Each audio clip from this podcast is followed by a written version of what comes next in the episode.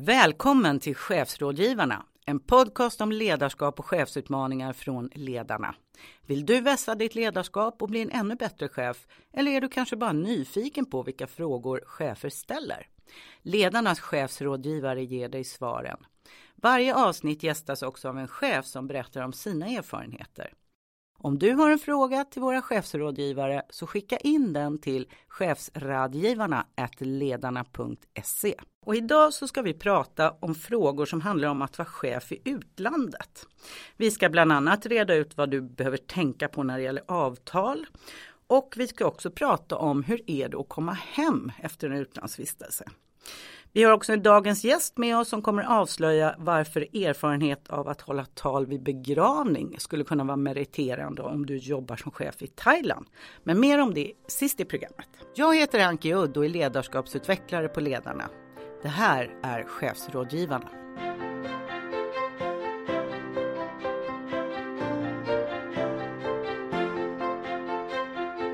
Med mig har jag Bert Niklasson, chefsrådgivare på Ledarna. Välkommen hit Bert! Tack ska du ha! Och jag vill också välkomna vår gäst Joakim Damgard som är VD för Microsoft. Hej! Välkommen hit båda två! Det här avsnittet ska handla om chefer och utlandstjänst. Vi lever ju i en globaliserad värld idag där varken arbetskraft eller verksamheter känner av några nationsgränser. Och enligt Statistiska centralbyrån så fanns det år 2014 nästan 14 000 utlandsägda företag i Sverige med mer än 640 000 anställda. Och nästan 3000 svenska koncerner har dotterbolag i utlandet och det här ger ju naturligtvis stora möjligheter att ta utlandsuppdrag som chef. Men för att den här vistelsen ska bli så bra som möjligt så finns det faktiskt en del att tänka på. Dels innan du lämnar Sverige men också när du kommer hem igen. Och det är det vi ska fördjupa oss i det här avsnittet. Eh, Bert och Joakim, ni har ju båda erfarenhet från att ha jobbat utomlands. Eh, och jag tänkte vad, vad, var det som lockade det här? Om vi börjar med dig Joakim. Vad var det för förväntningar och lockelse du såg i utlandsjobbet? Ja, I mitt fall tror jag det var äventyret som, som lockade mig. Första gången jag åkte ut så eh, var jag 26 år gammal och hade ingen familj, hade flickvän men eh, ville se något nytt, ville prova på något annat. Mm. Eh, så just det att få möjlighet och erfarenhet att jobba någon annanstans med andra kulturer och kanske lära mig någonting på resan var det som lockade mig. Och vad var första landet du tjänstgjorde i?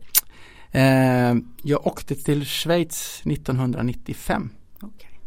Mm, spännande, mm. vi kommer få höra mer om det senare. Bert då, du mm. har också varit utlandet. Vad var det som lockade dig första vändan?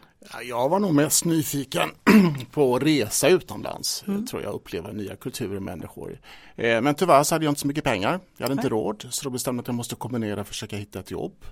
Och det gjorde jag så jag fick jobb inom resebranschen och då stannade jag kvar och så jobbade jag lite olika länder. Och jag vet att du blev tvingad till att bli chef faktiskt i Egypten. Ja, så var det faktiskt. Jag skulle jobba i eh, Egypten, i Kairo. Och eh, då var det så att den som skulle bli min chef, han eh, fastnade i migrationsmyndigheterna på Kairos flygplats. Och det tog tid så han kom inte in och då kom chefen som säger hemma i Stockholm och mer eller mindre beordrade mig då att bli chef. Någonting som jag inte alls hade planerat. Men det var bara till att tacka ja. Det är också ett sätt att bli chef på, ja, eller hur? så kan det Absolut. vara. Eh, förutom att du själv Bert har varit i utlandet och jobbat så har du också senare också i många år jobbat med att skicka ut folk i världen. Mm. Så kallade jobbat med expats. Mm. Om vi ska börja med det begreppet, vad är expats? Vad betyder ja, det? expat är som det låter ett engelskt uttryck, står för expatriat på svenska eller expatriate. Och det är en gammal beteckning som betyder egentligen att någon lämnar sitt hemland till exempel Sverige i det här fallet då, åker utanför Sverige X och patriat sitt fosterland faktiskt. Så lämnar sitt fosterland för att jobba och flytta till ett annat land. Du får ju mycket frågor Bert som chefsrådgivare och naturligtvis också frågor till chefer som står i begrepp att ta utlandsjobb. Mm. Eh, vad är det vanligaste frågor du brukar få? Ja, som sagt, vi får rätt många frågor in till oss på chefsrådgivningen, men jag skulle nog säga kanske den absolut vanligaste, den har nog med trygghetskaraktär att göra, alltså trygghetsfrågor. Eh, det är sådana här frågor som vad händer när jag skulle bli arbetslös utomlands? Hur gäller mina försäkringar som jag har genom facket? Hur betalar jag in min skatt? Eh, hur ser så att säga, socialförsäkringssystemet ut? Vad har jag för trygghet där ute om det skulle hända med någonting? Vi kastar oss in på den första frågan Bert. Det är Martin har skrivit till oss. Och han undrar just det du har varit inne på med försäkringar och liknande. Martin undrar om hans försäkring gäller när han jobbar utomlands och han undrar vad han behöver tänka på för att inte förlora någon av de förmåner som han har idag i Sverige. Vad skulle du säga till Joakim? Ja, det är en bred Eller fråga Martin, Joakim, men förlåt, förlåt var det Martin. ja, det var en bra och en bred fråga. Först och främst så ska vi nog ha utgångspunkten att är det så att man lämnar Sverige och flyttar utomlands, då släpper man svensk lagstiftning, man släpper svenska kollektivavtal och det som gäller så att säga för arbetsrätten det är Sverige och inte utomlands. Och då är det ju väldigt viktigt att man reglerar det som man tycker är viktigt i det här så kallade utlandsavtalet då som man ska skriva. Eh, och det är det vi kallar eh, ibland för ett Global Mobility Contract eller ett International Assignment Contract. Man använder väldigt mycket engelska termer här. Eh, så det tycker jag är väldigt viktigt att man då har ett utsändningsavtal, då, det här engelska kontraktet och där reglerar man allt sånt här som man tycker är viktigt helt enkelt. Eh, väldigt ofta så har ju större för, företag åtminstone en så kallad eh, då, policy, alltså en Global Mobility Policy vad som gäller vid de här frågorna och då har man ganska bra mallar och checklistor och kontrakt. Och, eh, och då är också de här kontrakten väldigt väl förberedda. Men är de inte det, då måste man faktiskt se till så att man får det skrivet i sitt kontrakt. Och det här kontraktet bör då vara på engelska. För det är så att det kan också användas utomlands när man ska till exempel registreras hos Skattemyndigheten eller man ska hyra ett boende eller ja, någonting annat som krävs för registrering. Och då är det viktigt att man visar upp det här kontraktet och att man ska jobba i det här landet. Eh, vi har också rätt mycket på vår webbplats ledarna.se, mycket checklistor eh, som man kan ta del av eh, och annan så att säga, information vad som gäller specifikt vid de här frågorna. Skiljer det sig mycket beroende på vilket land du ska till? Jag tänker så här, Norge kanske är ungefär likadant men åker jag till Malaysia kanske det är väldigt speciellt. Ja, det skiljer sig en hel del eh, och det du pratar om nu det är egentligen det vi pratar om man ska resa inom eller utanför Norden. Men sen är det också om man ska resa inom för EU eller ska EES-avtalet. Men det finns också länder som man reser till utanför Europa eller Norden och då har ju Sverige ibland så kallade konventionsavtal vilket betyder att man kan kvarstå i, så att säga, Sveriges lands socialförsäkring utifrån då att båda länderna är med. Eller att det finns andra typer av så att säga, konventioner mellan länderna som reglerar det här. Eh, så det bästa råd jag egentligen kan ge dig, för det är väldigt unikt beroende från fall till fall vilket land du ska till, det är att du tar kontakt med eh, Försäkringskassan, då i det här fallet vad gäller socialförsäkringar, men även då din eventuella a-kassa om du tillhör en sådan. Och din fackförening också förstås då. Okay. Ja, du kan också ringa till oss på ledarna, mm. kan vi försöka vägleda.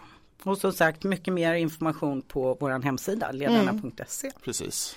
Toppen, ja det är mycket att tänka på. Eh, här har vi en annan fråga och den kommer ifrån Lennart.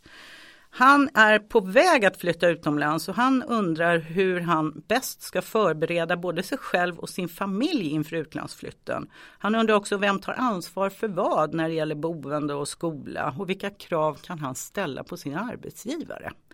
Det var många frågor på en gång från Lennart. Vad ja, säger du Bert? Det är också en bra fråga. Eh, jag ska börja säga att när man ska flytta utomlands så är detta faktiskt en väldigt stor investering man gör. Eh, det är inte bara för en själv utan det är även för arbetsgivaren. Eh, det är ganska dyrt om det här misslyckas och då är det viktigt att man förbereder sig på bästa sätt.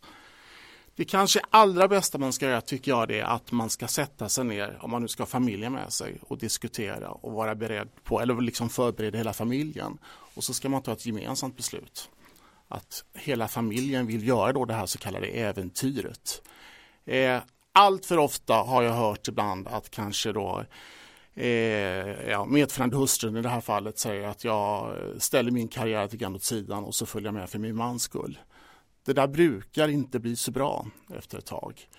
För eh, när man flyttar utomlands då, inte minst kanske två, tre års tid, vilket är ganska vanligt, Eh, då är det ju väldigt viktigt att den medföljande har en vettig sysselsättning. För här i Sverige så har vi ju faktiskt oftast en egen försörjning och vi har en egen sysselsättning, en egen karriär. Och när man kommer ut så kretsar ju väldigt mycket kring expatriaten.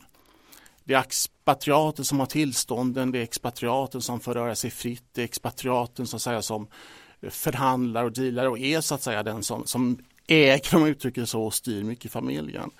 Och därför är det jätteviktigt att man har så att säga eh, förberett sig. Vad ska jag göra den här tiden ute? För det kan ju verka väldigt trevligt att ligga runt poolen de tre första veckorna men sen kommer en vardag även in i det här. Eh, och många gånger så kan ju inte medföljande heller få kanske ett eh, arbetstillstånd. Och då skulle jag nog vilja tipsa om att då är det bra att man engagerar sig. Man kanske skriver den där boken, man kanske läser den där kursen på distans, eh, engagerar sig i barnens skolor, eh, sociala nätverk.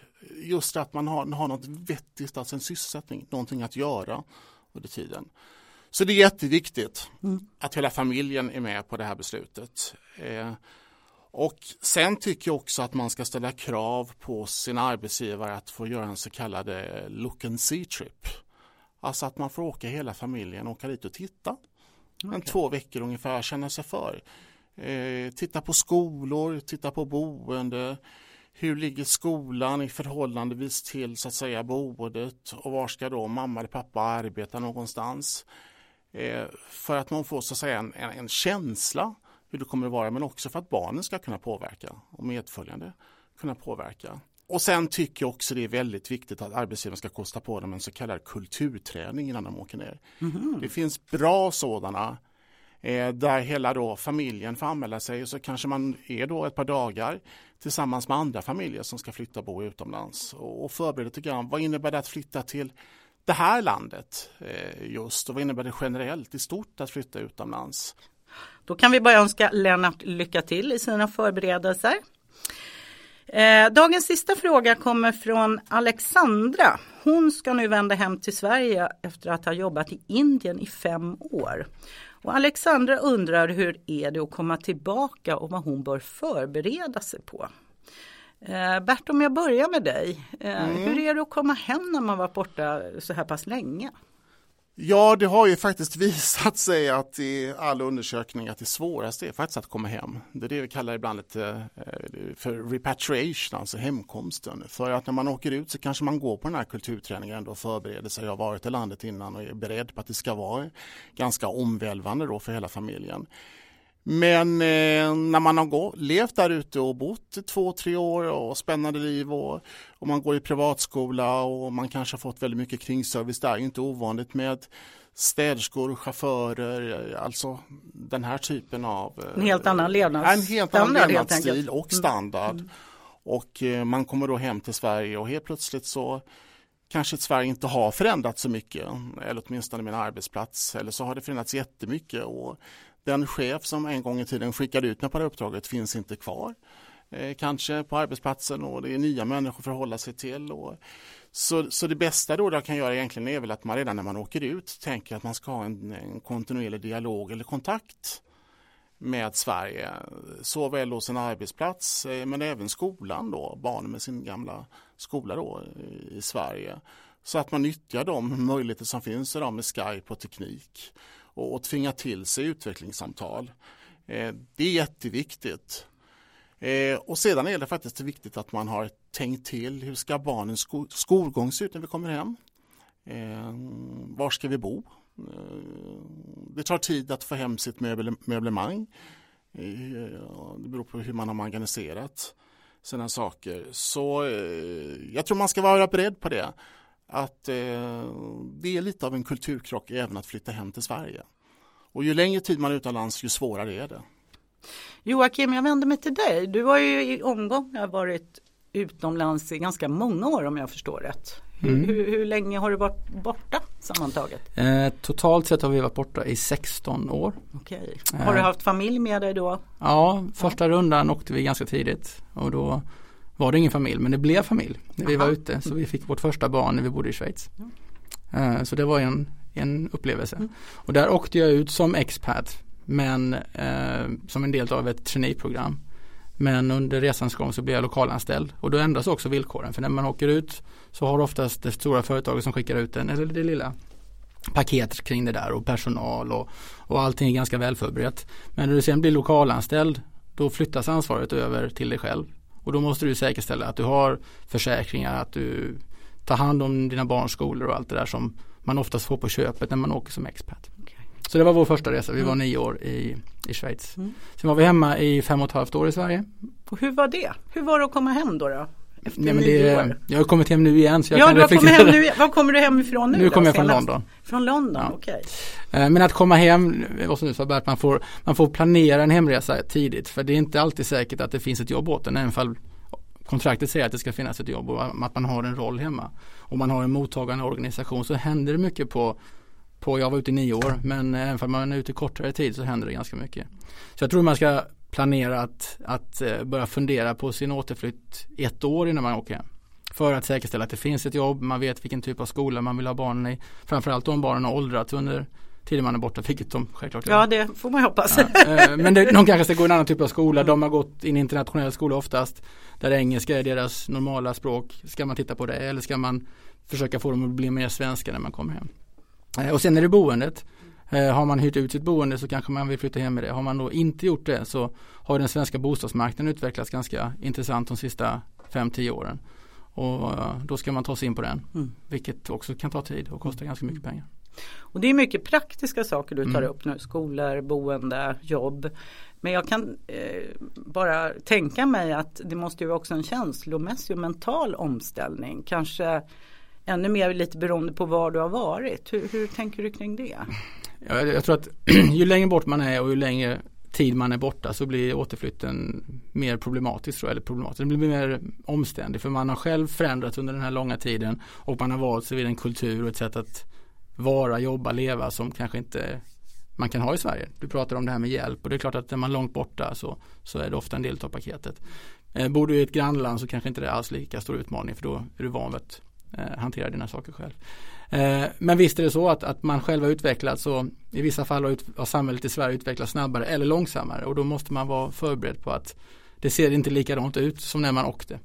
Eh, och sen så är det ett tips att komma hem på sommaren Jaha, varför det? när Sverige är vackert och trevligt Ah. och ljust. Komma hem i november är ju en katastrof, det ska man ju aldrig göra. Eh, då kommer familjen vilja åka tillbaks. Om man inte har varit på Svalbard då kanske? Så. Ja, det är ju inte så många expertkontrakt det till det? Svalbard. Så att, Nej. Ja, härligt. Ehm, ibland pratar vi här i Sverige om det svenska ledarskapet eh, och det brukar ju kännetecknas av att det är ett demokratiskt ledarskap, vi delegerar mycket i organisationer. Men så är ju inte självklart att det ser ut överallt annars. Så jag undrar Joakim, du som har varit chef i andra länder, vad är det som har fungerat i ditt ledarskap och är det något du har fått ändra? Ehm, det är en jättebra fråga för att jag tror att allt ledarskap handlar om att förstå den situation man befinner sig i och den kultur och de värderingar som finns. Så de kan skilja sig från företag till företag men absolut från land till land. Ehm, så att jag tror att det bagage eller den, den det ledarskap vi har i Sverige som handlar mycket om att eh, man delegerar, man, man vill gärna ha konsensus i sitt ledarskap. Ehm, det är absolut inget fel på den och den funkar också utomlands men jag tror man måste anpassa den lite efter den situation man är i. Det förväntas i vissa länder att det finns ett mycket mer tydligt ledarskap från, från, från chefen.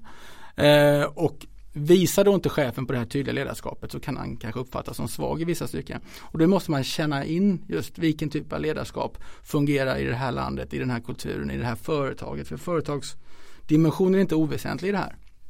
Eh, så det är klart att man, man ställs ju inför utmaningar eller frågeställningar där, där man känner men här skulle jag gärna vilja få en konsensusbeslut eh, men miljön, kulturen, landet kräver egentligen att, att det blir mer ett, ett enhälligt beslut från mig som ledare. Och där tror jag att eh, är man inte lyhörd där så kan man gå fel. Kan man, vill man ha för mycket konsensus så kan det uppfattas som fel. Kommer man då hem med den typen utav, utav ledarskap att man är van vid att ta alla beslut själv, ja då har man ett problem när man kommer hem där det förväntar sig en mycket mer delaktighet kring beslut och konsensusdeltagande. Och Bert, du då, eh, hur tänker du? För att det, det svenska ledarskapet, vi är ju också ganska informella i Sverige. Så jag säger ju inte herr och herr Niklasson till exempel. Eh, finns det sådana skillnader, alltså status att vara chef i Sverige och i utlandet? Jo, det absolut. Jag, jag instämmer väldigt mycket med det med Joakim eh, säger här. Min erfarenhet det är nog just det här att vi ibland försöker ta med oss den svenska ledarskapsmodellen och flytta den utomlands. Eh, Men utomlands många gånger är det att man, man leder kanske med en helt annan mångfald Mm. än vad vi gör i Sverige. Vi är ändå ganska lika på sätt att tänka. Och där ute kanske det sitter folk från hela världen med olika bakgrunder och kulturer. Och precis att man man förväntar sig nog att chefen ska vara väldigt tydlig eh, utomlands. Det är inte så mycket just det här med konsensus kanske och alla ska vara med på tåget utan eh, chefen pekar ut så att säga med, med, med hela handen. Samtidigt som jag tror också den svenska chefen många gånger är liksom lite naiv när man går ut där och tror liksom nu har jag pekat med hela handen, nu har jag sagt vad som ska göras och sen så görs det ändå inte. Mm. Och det är ju också kultur i det. Jag menar, ja. när jag kom till Thailand så var det ju självklart så att jag var den stora chefen och, och alla sa ja till mig. Och sen så när jag då började följa upp lite mer så hände det ju ingenting. Och då visade det sig att nej, men man måste säga ja eller man vill inte förlora ansikte. Det är extremt viktigt i asiatiska kulturer. Och då säger man hellre det chefen vill höra och sen så händer det kanske inte så jäkla mycket. Och det, måste, då, det innebär ju att man måste ändra sitt eget ledarskap. Rejält. Du måste bli mycket mer eh, du måste fråga mycket oftare, du måste hitta ditt informella nätverk där du kan faktiskt påverka underifrån så att du vet innan du tar beslutet vilket beslut du ska ta för du har ditt lokala nätverk. Du har eh, de här informella vägarna som blir så viktiga. Eh, du ska stå på scen och du ska säga vart vi är på väg och du ska staka ut hur du mäter det där och du ska följa upp det löpande. Men innan du gör det så är det klokt att hitta de här beslutsfattarna, de här informella ledarna som finns i organisationen och lyssna in på dem. Mm. Och sen tar du beslut. Mm. Och sen probar du mäter och, och har koll på det. Då, då lyckas du men, men att bara säga nu går vi höger och sen går alla vänster det är ingen direkt framgångsrik strategi. Känner du igen det där? Ja, jag känner igen det och framförallt att skaffa dig väldigt goda rådgivare när du kommer utomlands. Mm. Någon som du litar på som verkligen ger dig råd. För det är även om man också som svensk kommer ut och säger kom till mig, tyck till, mm. säg vad ni önskar, jag, jag finns här och liksom den här delen. Det, det vågar man inte utomlands på samma sätt. Man ifrågasätter inte chefen. Och då är det jättebra att man har någon som verkligen är ärlig och talar om för en rådgivare verkligen hur man ska agera. Och det jag tror också det igen vilket företag mm. kommer man till. Vissa företag har varit ute i hundra år och där finns det då en, en, lokal kultur men sen finns det också det här företagets kultur. Och i en sån kultur kanske det är lättare att gå till chefen. Kommer du till ett företag som är ny, nya utomlands och inte har den här erfarenheten. Det är klart att då är den lokala kulturen mycket, mycket starkare. Då, då måste du kämpa lite hårdare och jobba lite mer för att förstå hur den funkar. Men vi har ju väldigt många internationellt stora företag i Sverige som skickar ut folk. Och där har ju det, det svenska kommit in lite djupare kanske än, än på ett mindre företag. Joakim, jag tänker du är vd för Microsoft. Eh, ni finns ju på många platser i världen. Yep. Eh, och Eh, jag misstänker att du har medarbetare som jobbar i andra länder. Mm. Hur jobbar ni på Microsoft idag när det är dags för dem att vända hem? Ja, det, det, är lite som jag säger, man måste vara ute i god tid. En av de första saker jag gjorde när jag kom ombord var att kolla vilka medarbetare har vi skickat ut. Eh, I och med att jag själv varit ute i många år så vet jag att, att det är bökigt att ta sig hem, det är bökigt att liksom hålla den här relationen för att man är så engagerad i det man, jobb man har i, på det nya, i det nya landet eller på den nya orten. Eh, och, och, vi har, precis som alla andra stora företag, en, en mobility-enhet som hanterar hur man åker ut och hur man kommer hem och hur man bor och hur möbler skickas eller magasineras. Eh, och det har de flesta stora företag. Jobbar man på ett mindre företag så får man nog fundera lite mer på det där själv. För att där får man nog ta ett större ansvar själv. Eh, så vi har koll på vilka som är ute. Eh, vi har Eh, kanske inte exakt samma koll på när de exakt ska hem i och med att många åker ut på lokala kontrakt framförallt om man flyttar till USA. Eh, då eh, tar vi hand om all logistik men man blir lokalanställd i USA. Eh, vilket gör att hemflytten inte tidsbestämd på samma sätt som om du har ett normalt expertkontrakt. Sen är det ju så här när man jobbar utomlands, det kan ju hända lite knasigheter. Ehm, Mer eller mindre medvetet. Eh, I Sverige är vi vana att agera efter våra normer och vad som gäller men det ser ju naturligtvis olika ut i andra länder. Eh, själv har jag inte så här jättemycket utlandserfarenhet. Jag tillbringar en sommar på svenska ambassaden i Oslo. Så äventyrlig var jag. Eh, och det var ju inte så märkligt sådär. Men det finns ju länder som är mer olika oss än Norge naturligtvis. Eh, Bert, jag tänkte du hade en sån här knasighet som blev lite tokigt i Egypten som har att göra med den som bossar över alla kameler. Vad var det som hände egentligen? Ja, det var faktiskt inte Egypten den gången. Det Nej, var det Tunisien. Var inte, det var Tunisien, ja. sådär. Nordafrika, okej. Okay. Eh, ja, jag vet vilken historia du tänker på. Det är en ganska så här i efterhand ganska lustig historia. Eh, när jag skulle åka ner och vara chef eh, då på ett av våra större resmål i Tunisien och um, då ville jag ju organisera så kallade kamelresor, eller sådana här kamelturer i grupp, då där vi alla gäster skulle åka tillsammans. Eh, men vad jag då fullständigt ignorerade och glömde ta hänsyn till, det var ju den så att säga affärskod som hade uppstått, uppstått mellan de olika kamelmännen som fanns på den här stranden. Och de hade en strikt uppdelning där så att säga den som var kamelägare A, han ägde så att säga de här hotellen eh, och den som var kamelägare B, han ägde de här hotellen. Och då fanns det en hederskod att man tog inte varandras affärer, varandras kunder eller gäster. Eh, men det där struntade jag i. Jag skulle ha gruppresor så jag gick till kamelägare C och förklarade att jag har x antal gäster och här är en uppsamlingsplats och dit ska du komma med dina kameler och så kör vi en grupptur. Eh, och det gjorde ju kamelägare C hemskt gärna. Och det visar ju sig då när han kom första gången så blev det ju slagsmål kamelägarna emellan och jag förstod inte riktigt vad problemet var och försökte medla så gott jag kunde. Men jag gav mig inte utan jag fortsatte arrangera de här kamelturerna och det fortsatte de här slagsmålen varje gång. Och till slut så visade det sig den som var då bossen, en utsedd boss då, kamelbossen som vi kallade honom för, han, ehm, han anmälde mig och jag blev eh, ja, kallad till en så kallad turistdomstol som blev då kamelmålet i folkmun nere hos oss. Eh, så där hamnade jag, så att säga, på den anklagades bänk då för att förstört de här hederskoden vad det affärer. Och Joakim, jag nämnde i början på det här avsnittet att varför skulle det möjligtvis kunna vara meriterande att hålla tal på begravningar om du är chef i Thailand? Mm. Berätta! Mm. En stor del av kulturkoden i Thailand har att göra med dess religion och dess värderingar som är baserat på, på buddhismen. Eh, och eh, religionen är en stor del av näringslivet också. Man har ofta eh, munkar som kommer in och, och eh, håller ceremonier på, på kontoret. Ja, på, eh, för, jaha, mm. på arbets... Ja, och då går man in i, eh, om man har något stort rum och så sitter munkarna där och så, så skänker man gåvor till dem och de eh, sjunger lite och eh, välsignar så att säga lokalen och affären och medarbetarna och det där är väldigt, väldigt seriöst. Eh, och det sker ett antal gånger per år som detta sker och lite rökelse och, och samtidigt så blir man också en del av firman är en familj. Man blir del av den familjen och man måste eh, eller förväntas ska jag säga eh, deltaga i bröllop och i begravningar till, till mm, anställda och anställdas familj. Så under de här fyra åren så blev det en hel del bröllop och det blev några begravningar. Eh, och då förväntas man också säga någonting. Eh, så att ehm, jag var lite chockad i början när jag fick första inbjudan till ett bröllop och, och de sa nu ska de här två individerna som då jobbade på, på vårt företag eh, nu ska de gifta sig så att du är huvudtalare. Jag visste ju knappt vilka de här människorna var eh, och då fick man göra lite, lite hemarbete och man fick läsa på lite och sen så är det stora tillställningar också. Det är hundratals människor som kommer in på de här fantastiskt fina bröllopen och de slår på stort och det är blomarrangemang och det är fantastiska kläder och det är släkt i, i, i rader så att säga. Och då är man huvudtalare och alla pratar thailändska och jag då ska hålla ett tag på, det blir ju engelska. Min thailändska vart ju inte så eh, avancerad. Eh, över två människor som jag knappt känner.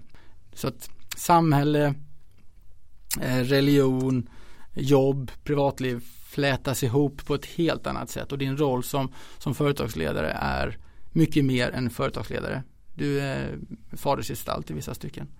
Vi hade också under våra år i Thailand översvämningar, vi hade eh, en kupp i Thailand där eh, det sköts med gevär på gatorna och det var tankbilar. Det måste hanteras eh, och då får man göra det på plats. Spännande. Mm. Har ni ångrat någon gång att ni har jobbat utomlands? Nej vi är ju sådana här serie-expats, vi, vi åker ja. hela tiden. Ja, globala nomader som vi kallar det för.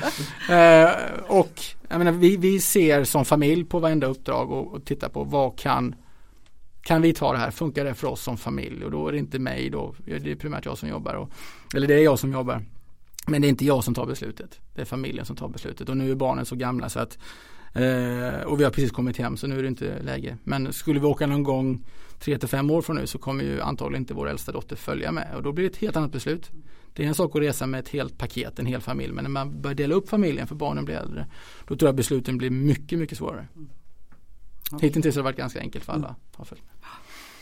Härligt. Eh, stort tack Bert och Joakim för er medverkan idag. Eh, om du sitter där ute och funderar på om du ska ta chansen att jobba utomlands eller inte så gör det. Det är en fantastisk möjlighet. Men tänk på att det är en del att förbereda både när du ska ut och när du ska hem igen.